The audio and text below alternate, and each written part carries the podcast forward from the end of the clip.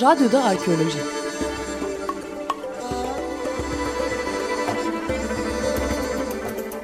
Bir arkeoloji programı.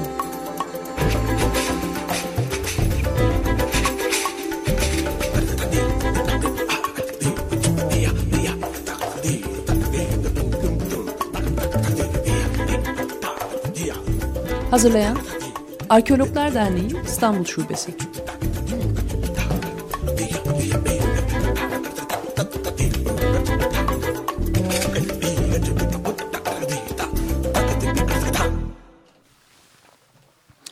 Sayın dinleyiciler, Arkeologlar Derneği İstanbul Şubesi'nin hazırladığı Radyoda Arkeoloji programına hoş geldiniz.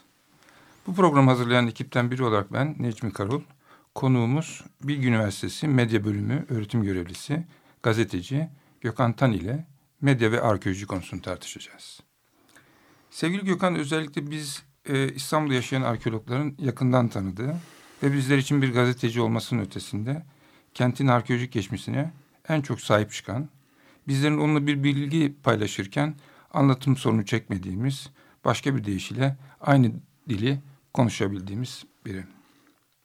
Gökhan Tan ile konuşmaya başlamadan önce son günlerde gerçekleşen birkaç arkeolojik keşfi sıralamak istiyorum. Belki programdan sonra arkeolojiye devam diyen, daha fazlasını öğrenmek isteyen dinleyicilerimiz için ilham kaynağı olur diye düşünüyorum. Bu sabah okuduğum haberlerden birinde e, Kabe'nin çevresindeki Osmanlı revaklarının sökümünün tamamlandığını ve bu çalışmalar sırasında revaklarda kullanılan bazı sütun ve kaidelerin Helenistik döneme ait olduğunu söylüyor. Dolayısıyla kutsal mekanların geçmişinin çok çok daha öncelere uzandığını ve günümüze kadar yaşadığını gösteren iyi örneklerden biri diyebiliriz. Bir diğer haberde Londra'da bir demiryolu projesi kapsamında yapılan kazılarda 1300'lerde Avrupa'da yayılan kara ölüm adlı veba salgında ölenlere ait iskeletler açığa çıkarılmış. Kemikler üzerinde yapılan araştırmaların ilk sonuçları kara ölümün özellikle sıçan ve pire ısırıkları ile yayıldığını gösteriyor. Bir diğer haber bize biraz daha yakın bir coğrafyadan, Budapeşte'den Atilla'nın mezarı ile ilgili. Tuna Nehri üzerindeki bir köprü inşaat sırasında milattan sonra 6. yüzyıla ait bir kurgan açığa çıkarıldı ve Macar arkeologlar içerisinde ölü hediyesi olarak çok sayıda at iskeleti, silah ve meteor demirden yapılmış bir kılıç buldu. Bu mezarın Hun hükümdarı Atilla'ya ait olabileceği düşünülüyor. Son haber biraz daha uzak bir coğrafyadan ama Anadolu'yu da ilgilendiren bir e, konu. Neolitik göç ile ilgili. Yine bu da e, dün e, okuduğum bir haber. Tarımın Avrupa insan topluluklarının göçlerinin yayıldığı fikri yine e, genetik verilerle desteklendiğini ortaya koyuyor. Yaklaşık 5000 yıl önce İsveç'te e, yaşayan avcı toplayıcı ve çiftçi topluluklar üzerinde yapılan DNA araştırmaları tarımın Orta Doğu, Avrupa'nın güneyinden kuzeyine doğru yayıldığını e, genetik bulgularla tespit etmiş oluyor. Evet sevgili Gökhan, e, öncelikle hoş geldin. Hoş bulduk. Hayırlı olsun programınızda. Teşekkürler. Bildiğin gibi bu bizim ilk programımız senin de söylediğin gibi ve e, seninle başlamak istedik. Vaktimiz çok yok, çok uzun değil. E, dolayısıyla daha çok senin konuşmanı istediğimiz e, ve bir soru cevap şeklinde gidersek belki hep merak ettiğim bir soruyla başlayarak e, girebiliriz diye düşünüyorum. Bu da Türkiye'de arkeoloji haberlerini basitçe kategorize ettiğimizde ilk üç sıraya defineciliğin, yurt dışında kaçırılan eserlerin ve rakamların milyon dolarları olduğu müzayedelerde satışa çıkarılan eserlerin aldığını görüyoruz. Peki sence Türkiye'de gazeteci arkeolojiyi neden bu üçlü ile sınırlı bir dünyada algılıyor? Bunun nedeni bilgisizlik mi, reyting kaygısı mı? Nasıl açıklayabilirsin? Ya öncelikle şu biraz önce saydığın bugüne dair arkeoloji haberleri işte Türkiye'nin dört bir yanındaki çok uzak coğrafyalarındaki gelişmelerden bahsettin. Oysa şu içinde bulunduğumuz açık radyo stüdyosu e, ve çevresini İstanbul'u düşündüğümüzde dahi bile şu bahsettiğin olayların, keşiflerin çok benzerleri bu kentte bile olabiliyor değil mi? Yani böyle bir coğrafya evet. e, üstünde oturuyoruz. E, arkeoloji yayıncılığıyla ilgili sorun aslında medyanın genel sorunlarından hiç de farklı değil. E, işte definecilikten bahsettin, e, yurt dışına kaçırılan eserlerden bahsettin. Rakam, arkeolojik eseri sadece rakamla, e, parasal büyüklüğüyle e, ifade etmekten bahsettin. Bunların hiçbiri aslında e, o şeyin içeriğine dair değil, tam tersi o haberleri birer üçüncü sayfa haberine e, dönüştürmeye yönelik e, çabalar. E, çok eskilere gidelim. E, çok eski bir e, Usta Ara Güler'in anekdotundan bahsedelim. Çok bilinen bir hikayedir. E, 1958'de e, Ara Güler e, kazara işte Denizli'de bir gece kaybolması sayesinde Afrodisyası bulur. E, çok bilinen bir hikayedir bu söylediğim gibi. Ve fotoğraflarını ilk o zaman çalıştığı Hayat dergisine götürür ki Hayat dergisi de gerçekten Türk yayın hayatında, Türkiye'deki yayın hayatında çok özel yere sahip bir yayın.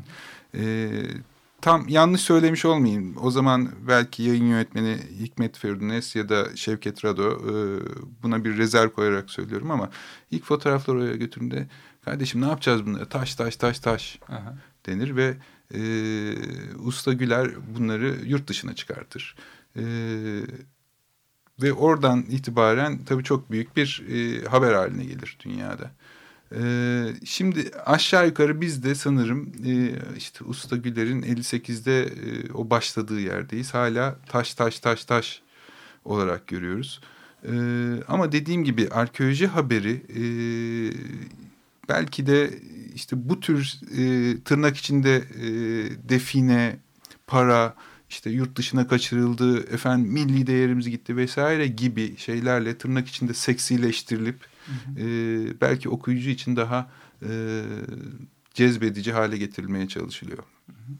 Peki e, bu durumda arkeologlar açısından baktığımız zaman arkeologlar med medyada yer alacak işler yapmak durumunda değildir aslında. Kesinlikle. Evet. Ama eğer yaptığınız için anlaşılmasını istiyorsanız tabii ki bu bilgiyi de paylaşmak e, zorundasınız. Yani bu da arkeologların sorumluluğunun bir parçası. Peki arkeologlar da sence sansasyon peşine düşüyor mu? Ya da her zaman istenilen yalın cevabı verebiliyor mu diye sorsam? Ee, arke, arkeolog yani sırf arkeolojinin değil, sırf arkeologların değil, hiçbir bilim adamının medyayla aynı dili konuşmak gibi bir e, sorumluluğu, yok. Böyle bir yeteneği olmakta zorunda değil. E, öyle olsaydı zaten e, gazeteciye de ihtiyaç e, duyulmayabilirdi. E, bunu e, gene tırnak içinde basitleştirip, e, sadeleştirip, anlaşılır şekilde e, topluma sunması gereken insanlar yayıncılar, e, gazeteciler, haberciler e, bunu yapması gerekiyor. Ha bu şeyde zaten, bu pratikte zaten bir sorun var. Yani e, gazeteci herhangi bir haberi yaparken olduğu gibi e, özel, özellikle arkeoloji gibi spesifik bir alanda haber yaparken yaptığı şeyi yeterince anlamıyorsa e, anlatması da mümkün olmaz. E, gazetecinin ilk kurallarından biridir. Yani anlamadığın şeyi yazma. E, anladığın, e, sen nasıl birisinden duymak istiyorsan, nasıl anlaşılır hale geleceğini düşünüyorsan öyle e, yaz denir. E, dolayısıyla popüler olmak e, arkeologların bir şeyi değil, bir, buna e, bir ölçütü değil.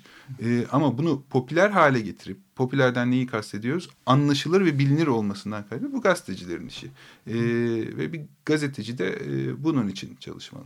Peki yani bu e, arkeologların yani daha doğrusu başka bir deyişle bu arkeolojik alanda bilgi üretenlerle bunu e, toplumla paylaşan e, gazetecilerin ortak bir dili konuşması aslında bu biraz Türkiye'nin sorunu mu? Şöyle diyebilir miyiz? Eğer Hayır, biz lisede e, ya da diyeyim, daha ilk öğretim okullarında Hayır. toplumsal olarak biraz da arkeolojiden haberdar olsaydık bu dil daha ortak bu, kullanılabilir miydi? Ee, yani belki bir yere kadar ama e, bu tabii ki sadece ha bize çok özel e, sadece bize özgün e, sorunlarımız olabilir medyada ama ortak jargon oluşturma, e, bilim adamıyla e, popüler yayın arasında köprü kurma sorunu sadece bize özgü değil.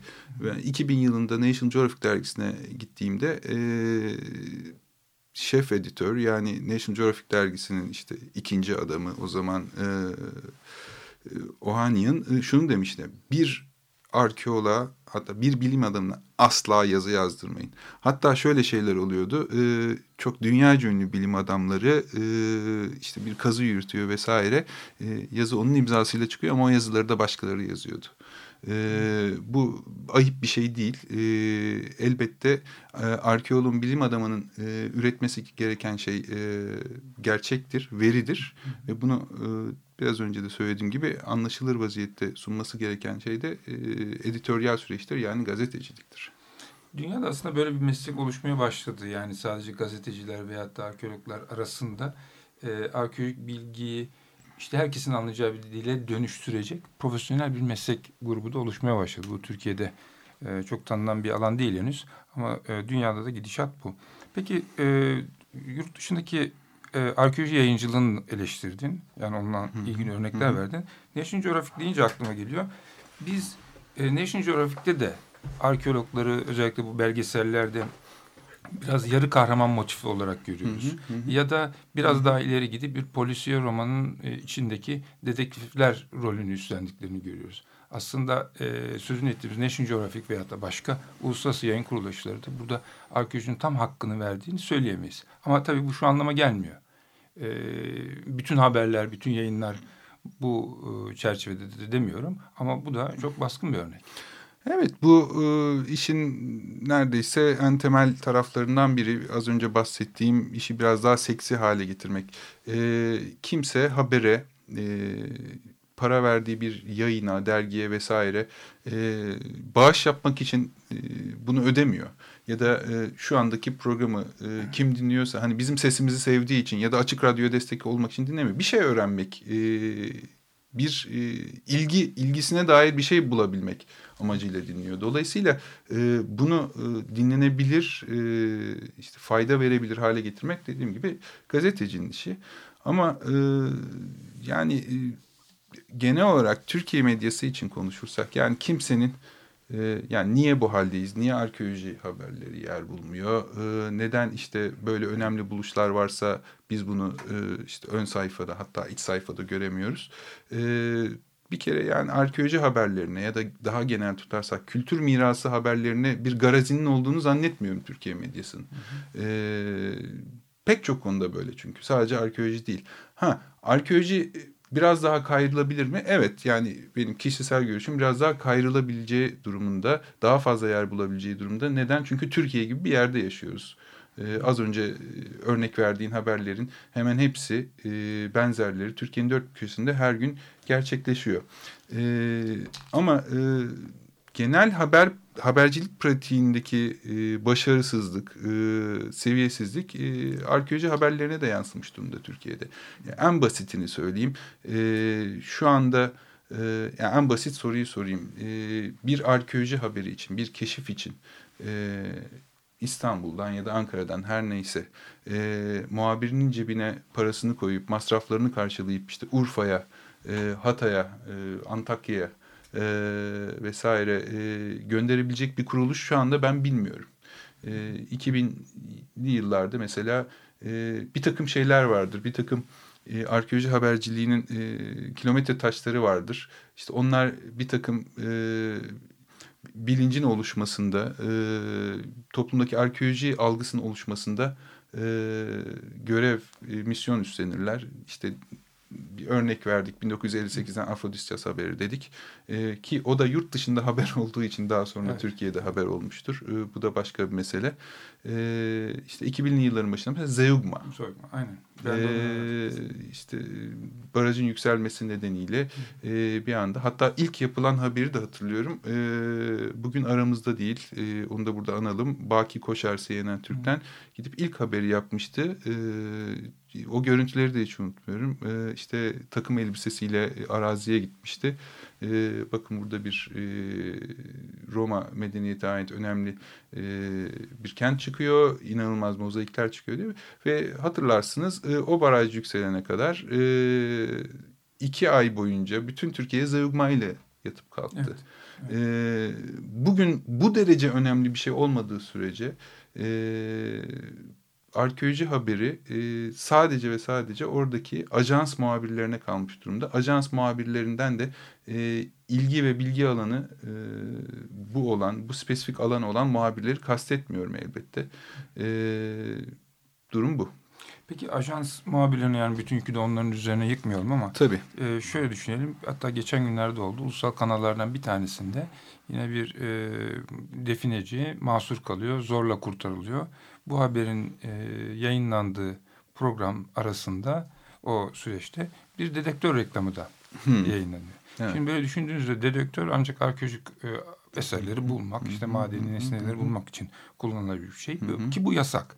Buna rağmen bir medya kuruluşu neden bir dedektörün reklamına müsaade eder? Neyi teşvik etmek ister? E, çok basit. Şimdi tek tek isim vermeli miyim? E, emin değilim. Sanırım Ama e, işte şu anda e, Mecidiyeköy eski e, Ali Samiyen Stadyumu ve e, e, likör fabrikası evet. arazisinde devam eden e, projenin, inşaat projesinin reklamı şu anda medyanın ana e, reklam kalemlerinden biri. Yani e, işte CNN Türk'ün internet sayfasında açsanız e, o bannerla giriyor. İşte e, şimdi sloganı da aklımda da onu da söylemeyeyim.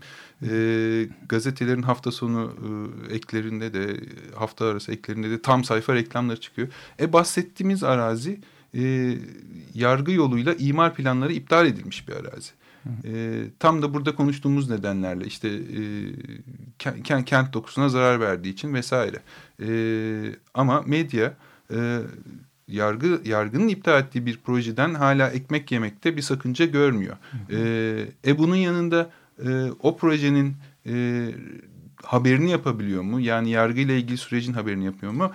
E bunda oradan ekmek yerken bunda bekleyemiyorsunuz tabii. Yani evet. bilmiyorum soruna cevap oluşturdu mu? Evet yani ee, ortak bir mantık güdülüyor diyorsun. Evet yani peki yani parayı veren düdüğü çalıyor diyebiliriz. Sanırım bir müzik arası vermemiz gerekiyor. Ee, Manfred Mann'dan Mighty Queen.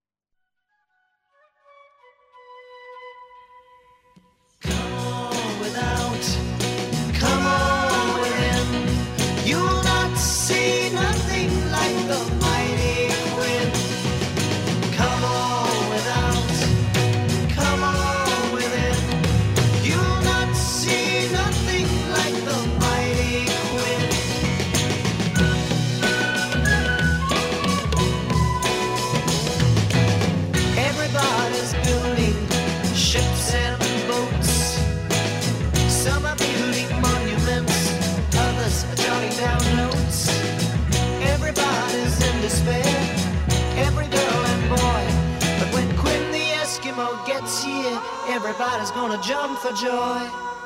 Come on without,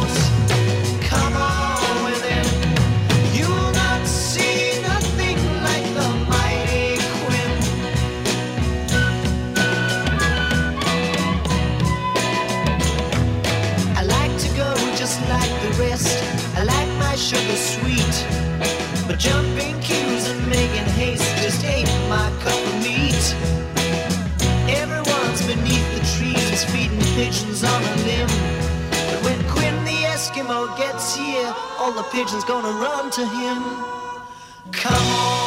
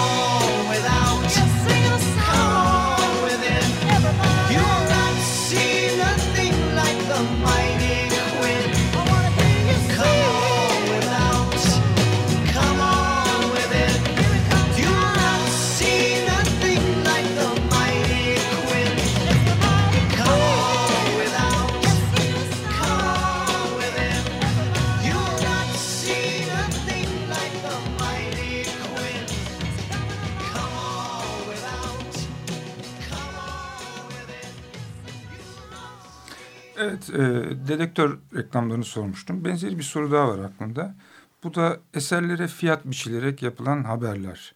E, böyle bir haber yapmanın yani izleyicinin, okurun gerçekten fiyatların belirlendiği bir piyasa algısına kapılırsa bu kimin işine yarar? E, kapılıyor zaten e, toplumun gazetecisi de e, toplumdan farklı insanlar değil. Oradan çıkma insanlar ve e, neyin satacağı herhalde tahmin ediliyor. İşte biraz önce bahsettiğimiz bir arkeoloji haberinde üçüncü sayfa haberine dönüştürme e, refleksinin bir sonucu olsa gerek. Evet. Biraz da İstanbul'dan bahsedelim istiyorum. Özellikle İstanbul ve arkeoloji deyince akla biliyorsun özellikle yeni kapı kazıları geliyor ki yeni kapı kazıları sayesinde İslam arkeoloji bilinç kazandı. Farklı bir boyut kazandı daha doğrusu. Oysa Yeni Kapı'nın Çağdaşı, Fikirtepe ve Pendik çok yıllar önceden kazılmış bilinen yerlerde. Daha da ötesi 400 bin yıl öncesine giden Yarımburgaz Mağarası. İstanbul'un çok daha eski bir geçmişini bize anlatıyordu. Ama yine de Yeni Kapı kentte bir bilincin, arkeoloji bilincin gelişmesini sağladı. Peki bu olan bitenin e, çanak çömlekle sınırlı olmadığı konusunda medya üstüne düşeni yaptı mı ya da ne yapabilirdi sence? Ha, kesinlikle yapmadı. Yani e, şimdi e, bir şeyin altını çizelim. E, Türkiye'de yapılmayan her haber e, illa işte hükümetin, çeşitli, çevrelerin, reklam verenin e, yani düdüğü elinde tutanların baskısıyla olan bir şey değil. E, basının, e, gazetecinin bunun dışında da sorumlulukları var. Her şeyden önce e, bilgilenmek ve e, bilgilendirmek. E, biraz önce şeyden bahsettik. E, toplumdaki arkeoloji algısında bir takım e, kilometre taşları var. Marmaray bunda çok önemli bir yer tuttu. E, çok fazla kazanım var. Bu tartışılmaz. Ee, örneğin e, sadece beş sene öncesine gitsek bundan İstanbul'un yaşını e, az çok ilgilenen birisine sorduğunuzda 2700 yıl derdi.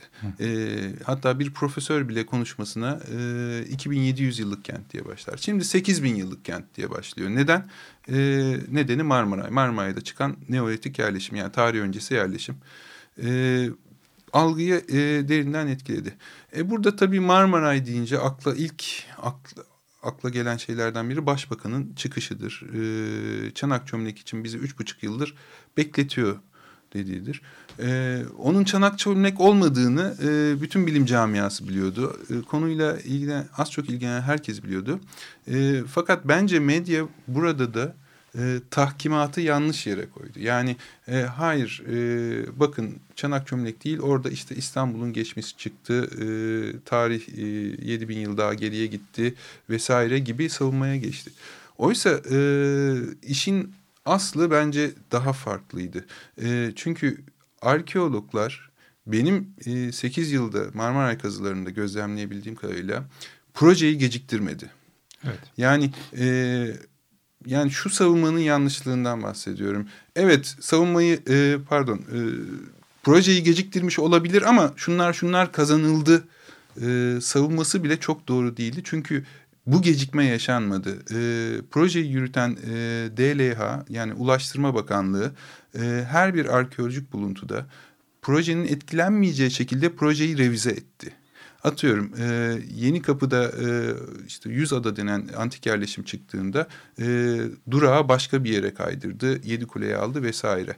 E, oradaki e, temel sorun e, aslında e, projenin başka aşamalarında yapılan ihalenin e, şartlarına uyulmamasıydı ee, Anadolu yakasında yapılan e, tren yolu iyileştirme e, çalışmasının e, aksamasıydı ve e, bence hükümet orada gene Başbakan Erdoğan'ın da aracılığıyla e, bir hedef saptırmak istedi e, ve tüm basında bu şeye e, düştü. Yani bu biraz reyting meselesi oldu yine. Peki sence arkeoloji e, yani böyle bu kadar reyting endeksli bir medyada arkeoloji reyting yapar mı? Ee, arkeoloji reyting yapar mı? Ee, haberine göre yapabilir. İşte Marmaray'da yaptı. Hı hı. Mesela.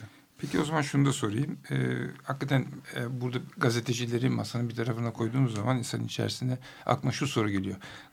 Türkiye'deki gazeteciler sence tanıdığın çevrende içlerinde bir defineci mi ya da bir Indiana Jones mu ne barındırıyorlar arkeolojiyle ilgili?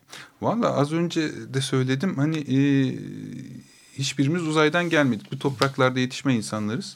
E, yani yurt dışından İtalya'da değiliz. E, dolayısıyla hani nasıl bir algımız varsa toplum olarak e, biz de e, bu çizginin çok dışına çıkmıyoruz maalesef. Çıktığımız zaman da çok zaten okunmuyoruz sanırım. Okumuyoruz. Peki takip ettiğin yeni bir arkeoloji haberi var mı? E, Valla çok var. E, çok ilginç bu şeyde... E, ee, seçim öncesinde e, yayınlanan tapelerde dinlemelerden bir tane birkaç tanesi de arkeolojiyle ilgiliydi. Evet. Ee, örneğin e, İzmir Kemalpaşa'daki e, işte eski bakan Günay'ın e, Batı'nın zeugması olarak lanse ettiği e, mozaikler ve Roma yerleşimi. Evet. E, işte orada bir süpermarket zinciri depo yapmak istiyordu mozaiklerin üstüne ve e, yeni bakandan e, projelerini kabul edilmesi için e, ricacı olmuşlardı vesaire.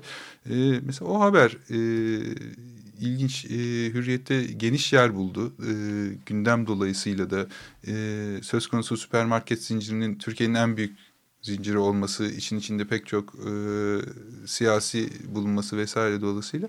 Ama devamı gelmedi. E, merak ettiğim haberlerden biri o. E, ve kendi takip ettiğim haberlerde var tabii. O zaman senden daha fazla arkeoloji haberi okumaya, duymaya devam edeceğiz. Evet, sayın dinleyiciler, Arkeologlar Derneği İstanbul Şubesi'nin hazırladığı Radyoda Arkeoloji programının sonuna geldik. Bir sonraki programda görüşmek üzere. Hoşçakalın. İyi günler.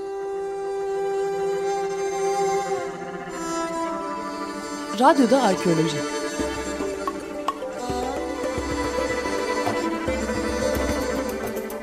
Bir arkeoloji programı.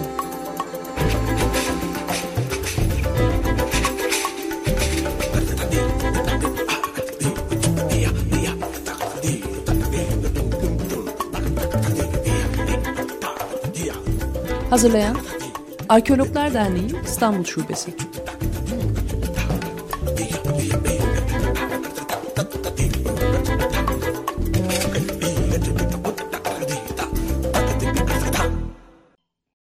Radyo program destekçisi olun.